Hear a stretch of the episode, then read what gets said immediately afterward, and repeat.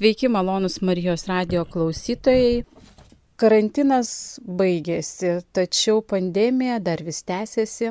ir persirgę COVID-19 lyga susiduria su liekamaisiais reiškiniais,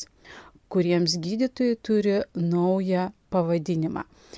Tai apie tai ir kaip su tuo toliau gyventi, šiandien kalbėsime su Kauno klinikų reabilitacijos klinikos vadovu profesorium Raimondu Kubiliu. Labadiena, gerbimi klausytojai. O jį kalbino aš, Kauno klinikų dvasinė asistentė Svetlana Adler Mikulieninė. Pradėkime, kaip visada, nuo to, kągi vadiname po COVID sindromu. Kaip paprastai paaiškinti žmonėm, kas tai yra. E, Pokovidinis sindromas jau nurodo tarsi pats terminas, tai yra būklė arba simptomai atsiradę persirgus COVID-19 infekciją. Ir e, gyvenime tai turbūt, e, kai mes diagnozuojame pokovidinį sindromą, tai dažniausiai turbūt galėtume įsivaizduoti panašiai, kad štai pacientas susirgo COVID-19 lyga, jam per 10 ar 14 dienų gydytojas jau patvirtino, kad jis yra pasveikęs nuo COVID-19 lygos, tačiau pats pacientas jaučiasi, kad, kad per sekančias 3 arba 4 savaitės dalis simptomų jam nepraeina arba per tą laikotarpį atsiranda nauji. Ir čia susidurėm su savotiška dilema, mums gydytojas patvirtino, kad mes esame pasveikę nuo ūmios COVID-19 lygos, tačiau nepaisant ir pasveikimo, dalis tų simptomų išlieka, dalis gali atsinaujinti ir jeigu jie nepraeina per, per įvairių ekspertų nuomonę per 8 ar 12 savaičių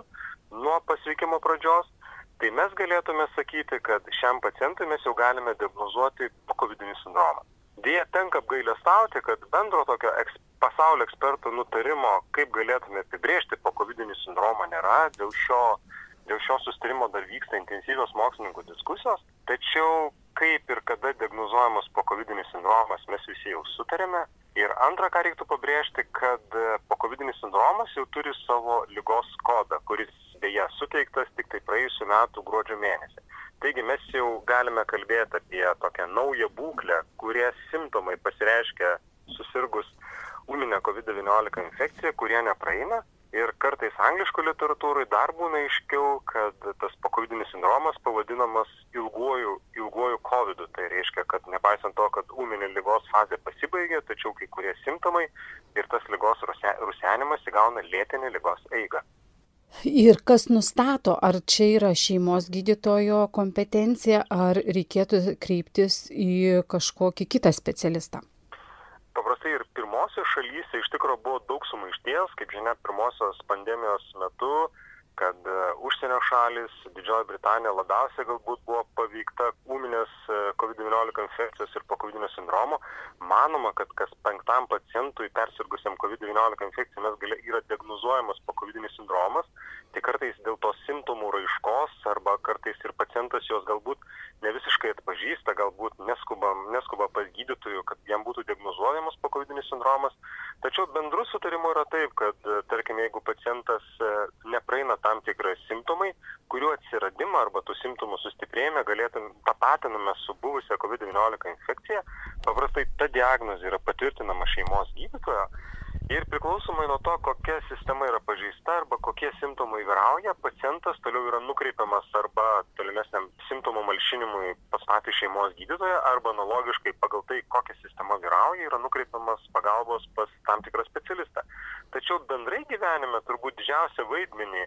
malšinant ir padedant pacientui sergančiam pokovidiniu sindromu turbūt tenka fizinės medicinos ir reabilitacijos gydytojams. E, dėkoju ir aišku, mums labai svarbu, kokie tie simptomai, kad mes juos galėtume atpažinti ir jau paminėjote, kad ne kiekvienam persirgusiam COVID-19 lyga pasireiškia šitas pokovidinis sindromas. Ir kasgi turi įtakos, ar nu, šiais laikais turbūt reikėtų akcentuoti, ar biologinė lytis turi įtakos šiam sindromui susiformuoti? Taip, iš ties kartu ir labai sudėtingas klausimas, nes mes, kai kalbam apie pakovidinį sindromą, tai yra turbūt tokia yra viena lyga, kuri pasireiškia labai daug simptomų, yra labai margės spalvė, įvairi ir, ne, ir tam tikrai tikrais atvejais netgi jos diagnostikai gali nešti sumaišties. Ši lyga jau turim pasakyti, kad per, per metus laiko po COVID sindromas arba tie ilgalaikiai liekamieji lygos požymiai yra įvairiose populiacijose, jau įvairiose šalyse susilaukia tinkamų mokslininkų dėmesio. Ir turbūt galime apibendrinti, kad mokslininkai suskaičiuoja, kad pacientams, kuriems vargina ilgasis COVID, yra būdinga daugiau nei 200 įvairiausių simptomų. Arba galėtume sakyti, kad nėra neįtraukta visos sveikatos sistemos, pradedant ausų, nosies, gerklų, kvepavimo sistemos, širdies, e, raumenų kaulų sistemos, virškinimo, inkstų, lytinės sistemos, odos pažeidimai, kuriam pacientui nepasireikštų tie simptomai. Tačiau bendrai galime pasakyti, kad po COVID sindromui turbūt yra tokia didžiausia vadinama būdingoji triada. Tai yra paprastai pacientas skundžiasi nedideliu ar intensyviu dusuliu, nedidelio fizinio krūvio arba protinio veiklos metu, skundžiasi įvairiais migruojančio pobūdžio naujais atsirandusiais skausmais širdies plotai, įvairiose sanarių raumenų vietose, jie gali būti tokio praeinančio, migruojančio, migruojančio pobūdžio, kad atsiranda tarsi vis skirtingose vietose ir, ir paprastai pacientas pastebi, kad to anksčiau jam nebuvo. Ir taip pat gali būti išliktas ir tas nedidelis pakarščiavimas, prikimimas, sausas, varginantis kosulys. O kai mes kalbam apie jaunesnio amžiaus pacientą, tai turbūt jam būdingiausia yra tai, kad yra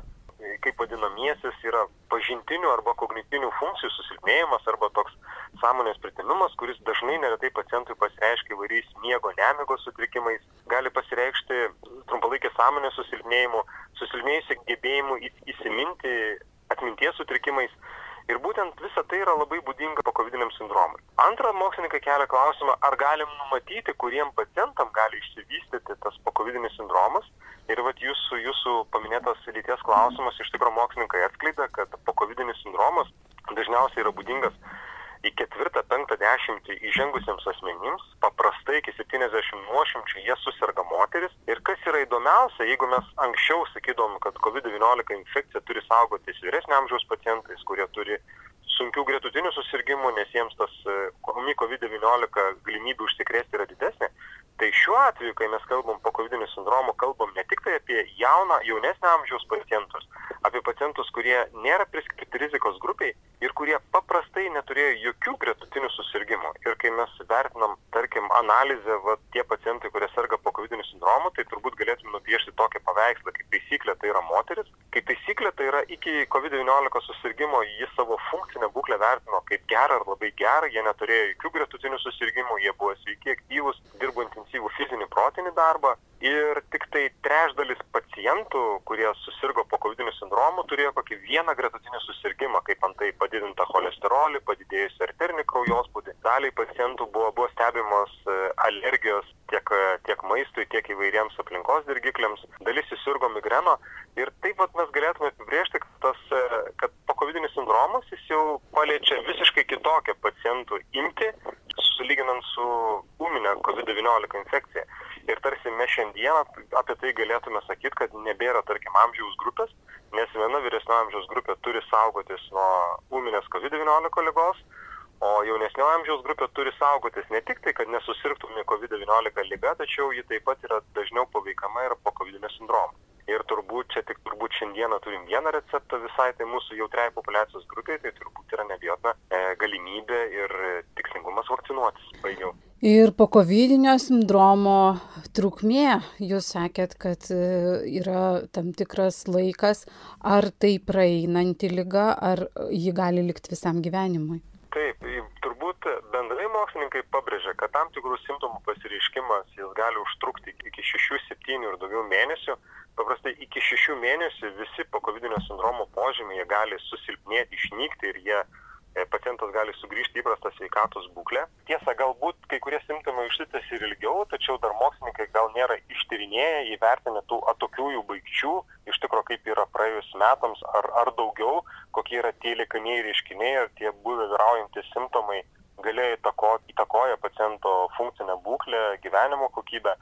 E, kągi mes, mes matom pas save klinikiniai praktikoje, iš ties kaip bebūtų paradoksalu, tačiau vat, paskutiniai mūsų klinikiniai atvejai, kuriuos mes konsultavom pacientus, tai yra buvo viena 70 žengusi moterį, kuri iki susirgymo COVID-19 infekcija neišsakė absoliučiai jokių nusiskundimų,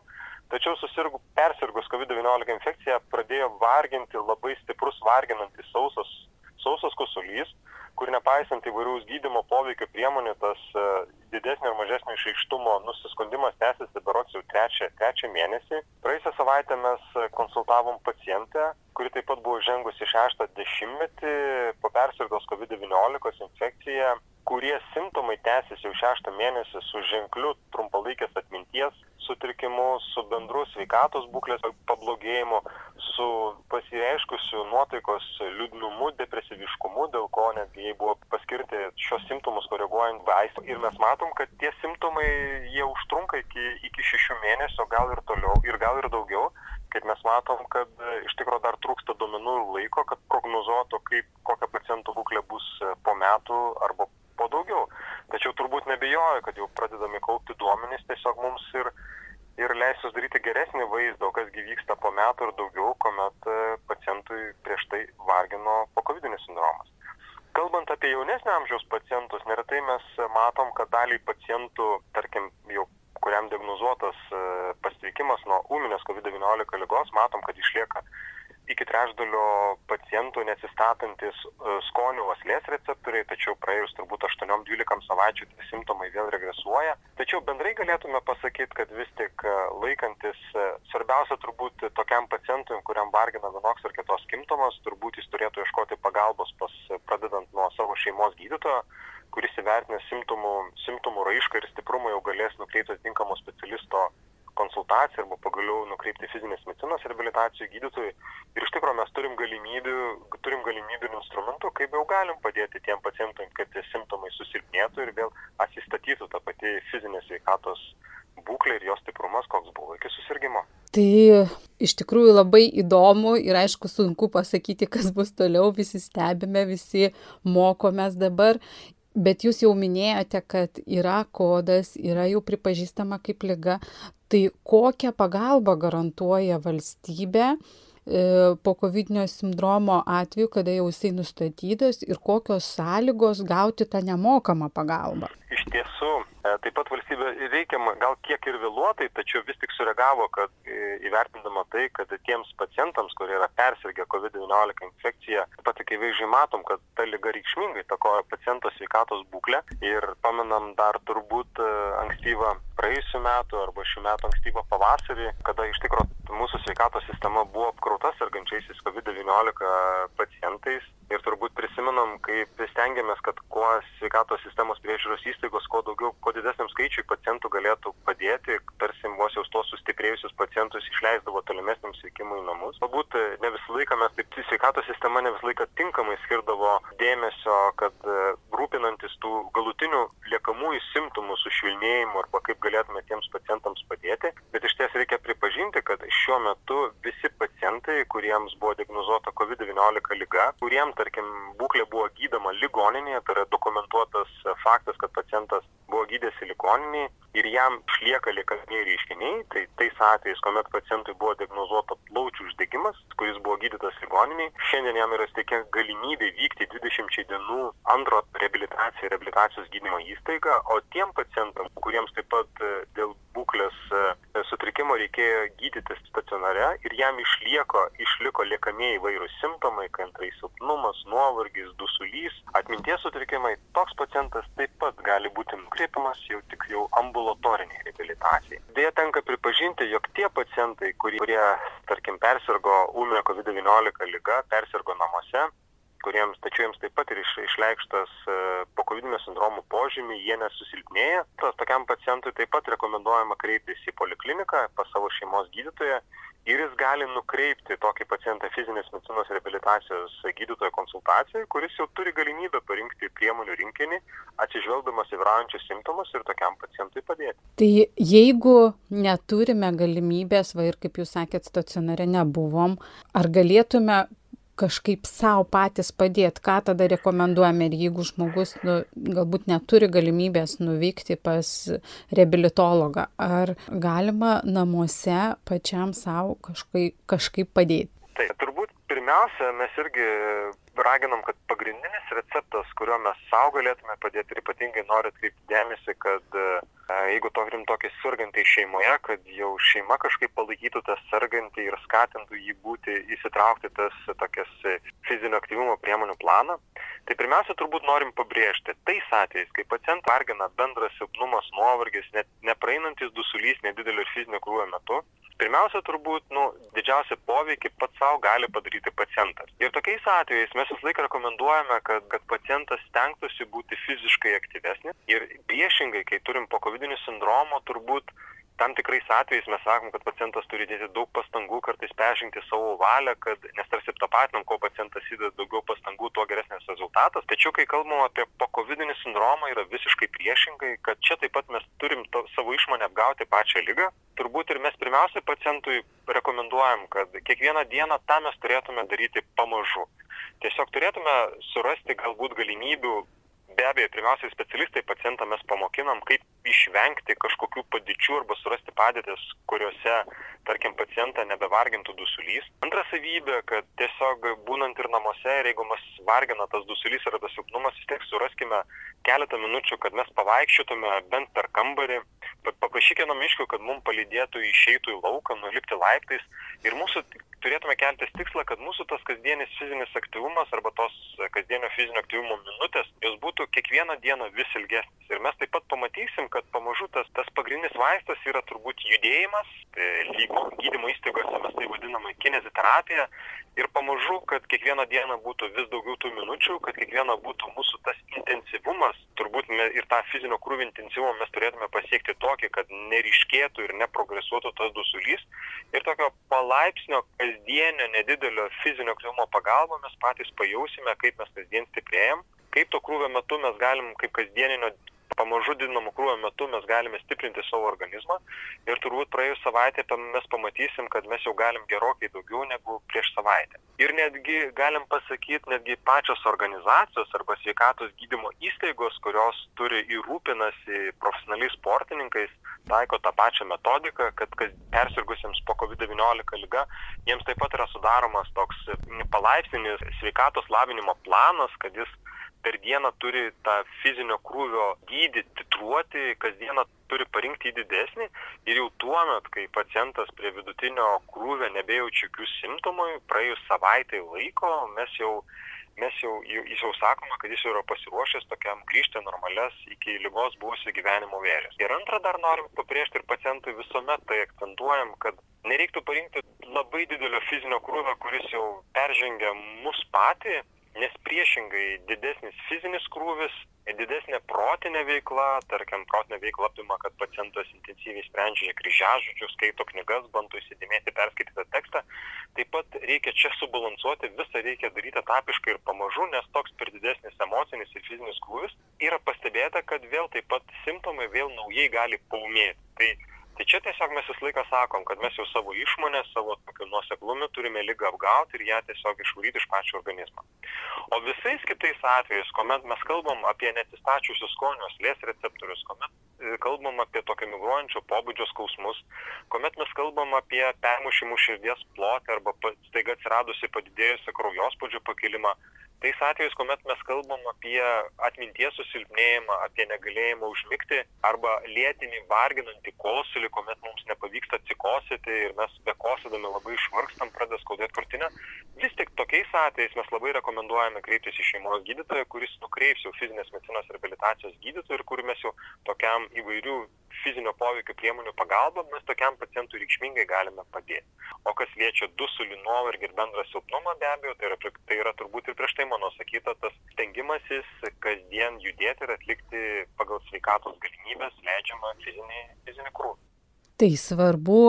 nepersistengti, bet kasdien judėti. Tai kai kai sakoma yra posakis, kad judėjimas gali pakeisti daugybę vaistų, bet nei vienas vaistas nepakeis judėjimo, ne?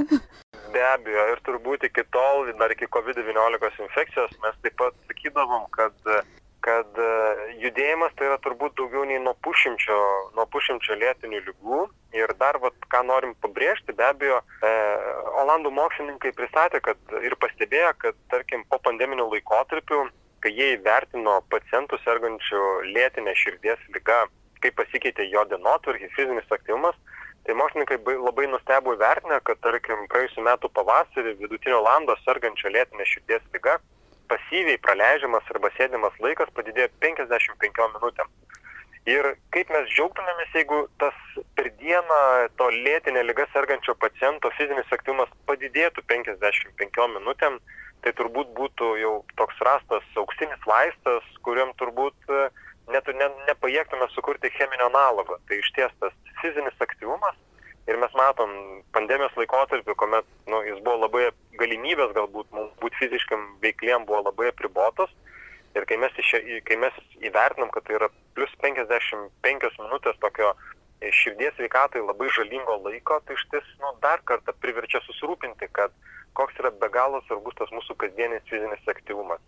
Ir klausytam taip pat norim pabrėžti, kad kasdienis fizinis aktyvumas būtinas ne tik tais atvejais, kuomet pacientas serga lėtinė širdies lyga, kuomet atsiranda varginantys simptomai jau sergant po kovidiniu sindromu, tačiau ir šiandieną, tarkim, jeigu kuris iš mūsų jaučiamės visiškai sveikas arba esame atitolinę kažkokią lytinę, lėtinę lygą, tai savo toj kasdieniai veikloje mes turim surasti bent 30 minučių lengvo vidutinio fizinio aktyvumo, kad galėtume atitolinti ir sustiprinti savo organizmą, kuris įgytų dar didesnį imuniteto ir atsparumo prieš įvairias infekcijas arba lėtinės, lėtinės lygas ar jų paumėjimą. E, taip, dėkui už tokį apibendrinimą. Ir tas paprasčiausias pajudėjimas turbūt būtų tiesiog pasivaikščiojimas. O dar norėčiau paklausti apie e, penkių laidų ciklą, nes dažnai kalbama, kad po COVID sindromo vienas iš simptomų yra kvepavimo tas e, nepakankamumas ar kaip sunkus kvepavimas. Ir laidų ciklas vadinasi įkvėp gyvenimo ir ten kalba apie kvepavimo pratimu. Ir krikščioniškoje terpėje labai atsargiai įvertinamos rytietiškos kultūros kvepavimo technikos. Ką gal, galėtumėte pasakyti apie e, su reabilitacija susijusius kvepavimo pratimus, ar tenais nėra religinio dvasinio pagrindo? Iš tiesų, kalbant apie pastarąjį laidų ciklą, tik priminsiu, kad jis galbūt buvo iš nacionalinio operos ir baleto teatro pačių operos solistų iniciatyva nes kaip žinia, dalis jų buvo persirgusi po COVID-19 infekciją, dalį jų buvo diagnozuoti galbūt tie liekamieji simptomai. Ir turbūt dalis to operos solisto prisimenė tai, kad iš ties, kadangi jos vargino dusulys, e, nuovargis, e, tas nesistatantis, nesistatantis e, arba nepraeinantis dusulys tokio lengvesnio fizinio krūvio metu, tai turbūt jie galbūt prisiminė tas įvairias kvepavimo technikas, kaip svarbu giliai įkvėpti, giliai įkvėpti, užlaikyti kvepavimą, kaip lavinti tuos kvepuojamuosius raumenius. Gi medicininio požiūrio mes galėtume, galėtume, galėtume konstatuoti ir tai, kai mes kalbam apie po COVID-19 infekciją, mes tiesiog įsivaizduojam visą kvepavimo mechanizmą, ir norim priminti, kad vienas iš svarbiausių raumenų, kurie dalyvauja kvėpavime, tai yra diafragma, kuri yra labai sunkiai pasiekiama, kuri atskiria toks yra gaubtinis raumuo, kuris atskiria krūtinės lastą nuo pilvo organų ir iš ties, o kaipgi mums prie jos prieiti, kaip ją labiau įtakoti. Ir neretai specialistai, kurie dirba su po COVID-19 infekcija sirgusiais pacientais, kuriem vargina dusulys, kartais jie atkreipia dėmesį į tokį paradoksą, tarsi pacientui ramybėje, kai mes išmatuojam jam degunės nestinga, tačiau yra sutrikusi pats kvėpavimo mechanizmas. Jis nesugeba įkvėpti, užlaikyti kvėpavimą, nesugeba sistemingai iškvėpti. Ir būtent gal tas laidų ciklas, pirmiausia, aš sakyčiau, bandė atkreipti dėmesį tai, kad pats žmogus galėtų bandyti lavinti, tai galėtų būti toks natūralus įrankis, kaip mes galėtume lavinti savo kvėpavimo sistemą. Be abejo, be pigų kalbėti turbūt apie operos specialistus, kurie kasdien tai daro ir moka turbūt, moka to įvairių kvėpavimo technikų, jų tų profesinių. O šiandien reabilitologai dar svarsto vieną galimybę ir e, kad mes turim taip pat įrankį, kad pabandyti elektros stimulacijos pagalba pastimuliuoti tą pagrindinį diafragmos raumenį ir kuris galbūt labiau mes vertintume taip, kuris padėtų atstatyti tą įprastą fiziologinį ciklą, vėl įvyktų tas raumens sustraukimas, atsipalaidavimas ir tokiu būdu pacientas vėl galėtų įprastai įkvėpti degunies, organizmą aprūpindamas reikiamų degunės, degunės kiekiu ir iš, iškvėpdamas, reiškia, iš organizmo pašalindas jau degunės įvairius kilimo produktus. Tai pirmiausia, galbūt mes kaip medikai turbūt bandėm pabrėžti, kad labai svarbu yra pati tokia fiziologinė kvepavimo technika ir pagrindinis aspektas, ką mes norėjom pasakyti, tai yra lygos nusilpninti arba arba susilpnėjęs to pagrindinio nervo klajoklio, kuris valdo tą diafragminio, kvėpavimo diafragminį raumenį nusilpimas ir mes kaip, kaip reabilitologai turbūt taip pat turim galimybę galbūt pastiprinti tą raumenį,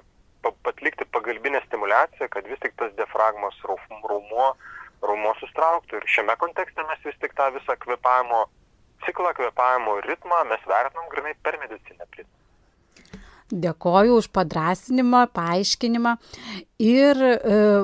dar, kadangi jūs esat kardiologas, noriu užduoti klausimą, ar saugu skiepytis, jau jūs minėjot, kad skiepas yra vienas iš e, profilaktikos priemonių COVID-19 e, lygai, tai turint miocardo infarkto, ar galima skiepytis ar ne, kokia yra rizika, nes pasirodė įvairių pranešimų šiuo klausimu. Iš tiesų, e, tik dar norim pabrėžti, kad tarkim jau mūsų pagrindinė profesinė organizacija Europos kardiologų draugija dar praėjusiu metu lapkričio mėnesį išleido, išleido bendrasias rekomendacijas, atkreipdama dėmesį tai, kad netgi pacientam, kuriem yra ruošiami širdies organų transplantacijai, kuriems, kurie yra, kurie yra, kuriems jau yra transplantuoti širdis arba plaučiai, jau nekalbant apie tai, kad kurie serga širdies kraujagys lygomis, E, tai yra pagrindinė rizikos grupė, kuriems pagrindinė rizikos grupė susirgti ūminę COVID-19 infekciją ir po COVID sindromo. Ir jiems turbūt didžiausi įrodymų lygmenys yra, kad būtina pasiskiepyti, nesgi kitų atvejų, kad, kaip mes žinom, kart, kartais sunkiai teka stabilizuoti, sunkiai sekasi netgi gydytojams stabilizuoti pacientą sergantį širdies kraujagės lygą, kad labai dažnai jo sulaukia, įlaukia lygos atkryčiai, dar labiau pabloginantis pacientų būklę. Ir būtent bent jau mes galėtume išjungti vieną grandį, kad tos mūsų būklės neapsunkintų COVID-19 COVID infekciją. Ir turbūt bent mūsų, kaip ir kitomis lėtinėmis lygomis sergantiems pacientams, tai turbūt didžiausia ir aukščiausia įrodymų ligmo, kad tokie pacientam būtina, netgi sakyčiau privaloma, kad jie būtų vakcinuoti dėl COVID-19 COVID infekcijos nes turbūt taip pat turim omeny kad mes taip pat būtume saugūs dėl šio naujo ir mūsų būklę galinčio pabloginti susirgimo tačiau ir gydytojam tiesiog ir pačios kaip kaip tikėtina kad tarkim širdies kraujagyslių ligos jos taip pat turi polinkį galbūt komplikuotis, atsinaujinti naujais simptomais, tai bent jau mes galėtume būti, būti saugesni ir tie jau simptomai nebebūtų apsunkinti galimos COVID-19 infekcijos. Antra, turbūt be abejo, žmogus turi baimę, nes vėlgi taip pat matom, kai kurios vakcinos galbūt galimai yra susijusios su kažkokiam komplikacijom. Tačiau šiandien turbūt, kada, kada mes jau turim savo patirtį, kuomet mes jau kulautos rehabilitacijos ligonėje matom turbūt apie, apie pagrindinius mūsų pacientus, kurie serga širdies kraujagyslių lygom ir kurie turbūt e, absoliučiai dauguma jau atvyksta vakcinuoti. Ir priminsiu ne tik tai, kad ne tik tai, kad reiškia, tai yra apsaugo, apsaugo nuo COVID-19 infekcijos susirgymo patys sergantį, apsaugo jo šeimos narius ir aplinką, tačiau turbūt ir jo tas dalyvumas ir įstraukimas ir paslaugų gavimas sveikatos priežiūros sistemoje tiem pacientam, kuriem yra vakcinuoti, tai yra gerokai paprastesnis. Taigi šiandien galime pasakyti, kad turbūt nei viena lėtinė lyga, neskaitant širdies ir kraujagyslių lygų, nėra kažkoks apribojimas, dėl kurio mes pacientą negalėtume nukreipti, nukreipti skiepytis. Ir dar norim pabrėžti turbūt, kad šiandieną, kai mes matom savo pacientus, kurie pas mus po aktyvaus širdies kraujagyslių lygų gydimo, pas mus atvyksta į rehabilitacijos ligoninę, mes taip pat turime, turime galimybę paskiepinti vienkartinę vakciną, kur nebereikia vakcinuotis ir šiandien mum jau vis sunkiau renkasi surinkti tuos reikiamus pacientus, kuriems, kuriems galėtume pasiūlyti vakcinuotis, nes tiesiog jau dauguma yra pasivakcinavę. Na Ačiū. ir kadangi kalbame apie uh, pokovidinį sindromą, kaip su uh, žmonėmis persirgusiais COVID-19 lyga, ar jiems dar reikėtų skiepytis, ar jau pakanka to imuniteto? E, taip, turbūt e, priminsim, kad visi pacientai, kurie yra persirgę COVID-19 lyga, kad iki ši, ir jeigu tas persirgimas, jo trukmė nėra daugiau nei 180 dienų, jie tiesiog patenka į vairias išimtis, dėl kuriems gal nėra tikslinga vakcinuotis, kad jiems nebūtina darytis įvairių PGR testų, nes jau tas 100, 180 dienų jos tarsi įdeda išimčių skiltelį, kad jie yra apsaugoti, O turbūt kiekvienam pacientui yra vakcinavimas vėlgi yra galimybė įsivertinti, koks yra pas mane antikūnių titras, ar galbūt aš gal dar galiu palaukti, ar dar tiesiog tą vakcinavimą aš galiu pastumėti. Ir turbūt belieka tikėtis, kad tas kiekvieno, kiekvieno mūsų tas antikūnių titras tiem pacientam, kurie dar nėra vakcinavęs arba, arba, arba tai, tai laukia pagal tai, pagal antikūnių titro dydį galbūt kada jam tas jau vakcinacija yra būtina tai turbūt vėlgi mes galvojam kad tas antikūnių tyrimų įvertinimas taip pat atsiras vienas iš išimčių kuomet aš vėlgi turėdamas turėdamas tinkamą arba pakankamą antikūnių kiekį esu apsaugotas ir galbūt tai gali dar kažkiek galiu gal palaukti iki tos man būtinos e, pirmosios pirmojo susivakcinavimo. Ačiū Dėkui profesoriui, laida jau eina visai į pabaigą ir Marijos radio klausytojai girdi ir šiek tiek pašalinius garsus, esame laukia, e, džiaugiamės tuo, kad pasibaigė karantinas, dėl to e, truputėlį ir girdime paukščių čiulbėjimą. Ir kadangi vis dėlto yra vasara, norėčiau paklausti, gal trumpai galima apibendrinti, e, kaip saugotis nuo karščių, nes jie vis užeina e, į Lietuvą tokie, prie kurių mes nesame pripratę. E, iš tiesų padidėjęs karštumas, ypatingai kurio mes e, dalis galėjome gautis, dalis turėjom galbūt nuo jo kažkiek ir, ir, ir pasislėpti. Iš ties priminsim, kad e, padidėjęs tas mm, karštumas arba užsite... ir priminsim, jeigu daugiau kaip 3 dienas oro temperatūra yra padidėjusi daugiau kaip 30 laipsnių, mes jau galime sakyti, kad yra kaitra, kurie pirmiausia yra išties pavojinga jau sergantiesiems širdies kraujagyslių lygomis ir ypatingai tie pacientai kurie serga širdies kraujagyslių ligomis turėtų saugotis nuo tiesioginių saulės spindulių. Ir čia tiesiog norim atkreipti grynai tokias fiziologines pasikeitusias aplinkybes priminsime kad tą padidėjusią kaitrą mes pirmiausia jaučiame per padidintą širdies susitraukimų dažnį per padidėjusį arterinį kraujospūdį per netenkamą organizmo skysčių kiekių ir ypatingai jeigu mes savo šeimoje ir aplinkoje turim vyresnio amžiaus pacientus juos taip pat turėtume turbūt apsaugot kad jie nesiveržtų į lauką kad jie suvartotų tinkamą skysčių kiekį nes neretai vyresnio amžiaus pacientai yra galbūt ne visiškai jie turi savo nuomonę e, galbūt jie visiškai nekritiški yra tom pasikeitusiom aplinkybėm neretai jie pamiršta suvartoti reikiamą skysčių kiekį kiekį per dieną. Tai vėlgi ypatingai jeigu mes turim savo aplinkoj tuos vyresnio amžiaus pacientus jau pirmiausia turėtume juos juos paraginti saugotis netgi neretai savo tėvelius, senelius turėtume galbūt esant tom dienos karščiam tiesiog ir pasiskambinti, pasidomėti, kaip jiems sekasi, kaip, kaip jie leidžia laiką. Ir priminsim taip pat, kad geriau tokiems pacientam tą pačią karščiausią dienos piką praleisti namuose, saugantis nuo tiesioginių saulės spindulių, apsaugant savo gyvenamasias erdves, kad, kad ir kambario temperatūra ji neįkaistų ir nesušiltų, nes iš ties mes matom, kad turbūt ilgainiui galėtume sakyti kad tas padidėjusi kaitra ar padidėjusi taip dramatiškai pasikeitusi kūno oro temperatūra tai galėtų būti jau vienas iš vasaros rizikos veiksnių. Ir mes matom kurį taip pat tinkamai turėtume skirti dėmesio ir tinkamai turėtume turėtume jį valdyti. E, Pietinės Europos šalis, kurios karštumas turbūt jau jiem, jos vargina kasmet, yra pastebėję, kad per, per karščiausias vasaros dienas jų, jų jų populiacijose mirtingumas netgi padidėjo iki penkių šešių procentų. Ir aš pamenu kad praėjusiais metais italijoj prancūzijoj karščiausiomis rugpjūčio mėnesiomis buvo konstatuota kad per dieną mirė ten iki šešių šimtų mirčių buvo konstatuota dėl paūmėjusių arba pablogėjus širdies kraujagyslių ligos veiklai. Ir antra dar labai svarbu atkrai noriu atkreipti dėmesį tai kad e, tais atvejais kuomet yra pati kuomet yra tos e, karščio dienos mes turėtume ne tik tai saugotis nuo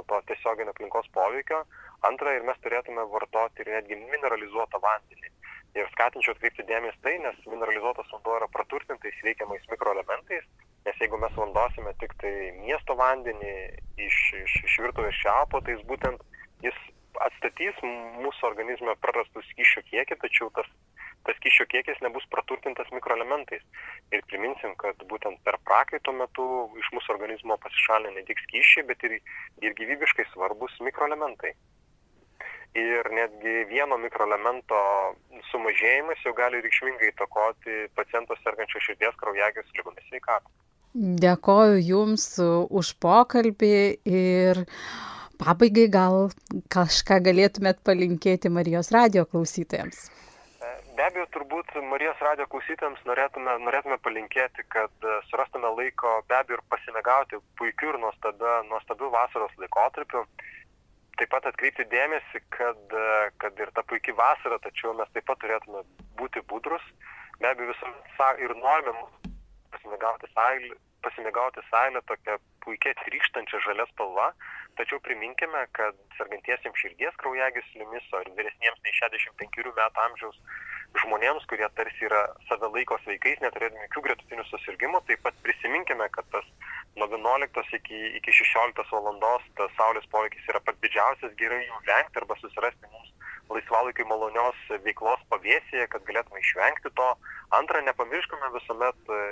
suvartoti reikiamą mineralizuoto, mineralizuoto arba iš paprasto šaltinio vandens, tokiu būdu atstatys kyšius ir elektrolitus. Ir be abejo turbūt, kad mes iš tos puikios vasaros, tikiu visiems laikotarpio, galėtume sugrįžti saugų rudenį ir žiemą. Mes taip pat turėtume pasirūpinti, kad ir ryštis tie, ypatingai tie, tie klausytojai, kurie galbūt turi abejonių, ar jiems vakcinuotis ar ne. Šiandien mokslininkai vienareikšmiškai visi pabrėžia ir, ir labai ir tikime to vakcinavimo svarbą galėsinti pakeisti ir pagerinti mūsų paciento tokiasias išeitis, kad mes vėlgi turbūt galėtume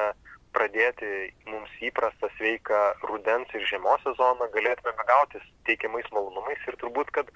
kad nepatektume į vairius suvaržymus ir pandeminius pastus, ir kurie mokslininkai rodo tai, kad vos tik jeigu vyresnio amžiaus pacientai patenkame į pandeminius pastus,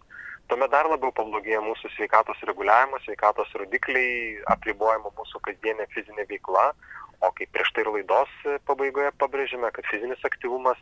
ir reikiamas minučių išsportavimas tai yra pagrindinis vaistas nuo daugiau nei pušimčio lėtinių lygų. Tuomet norim palinkėti būti, būkime, likime sveiki ir kad e, karštis e, karšt, ir kad galėtume savo sveikatą apsisaugoti ir saugiai praleisti vasarą. Dėkoju Jums už įdomų išsamų pokalbį. Laidoje aš Kauno klinikų dvasinė asistentė Svetlana Adler Mikulėninė kalbinau Kauno klinikų reabilitacijos klinikos vadovą profesorių Raimondą Kubilių.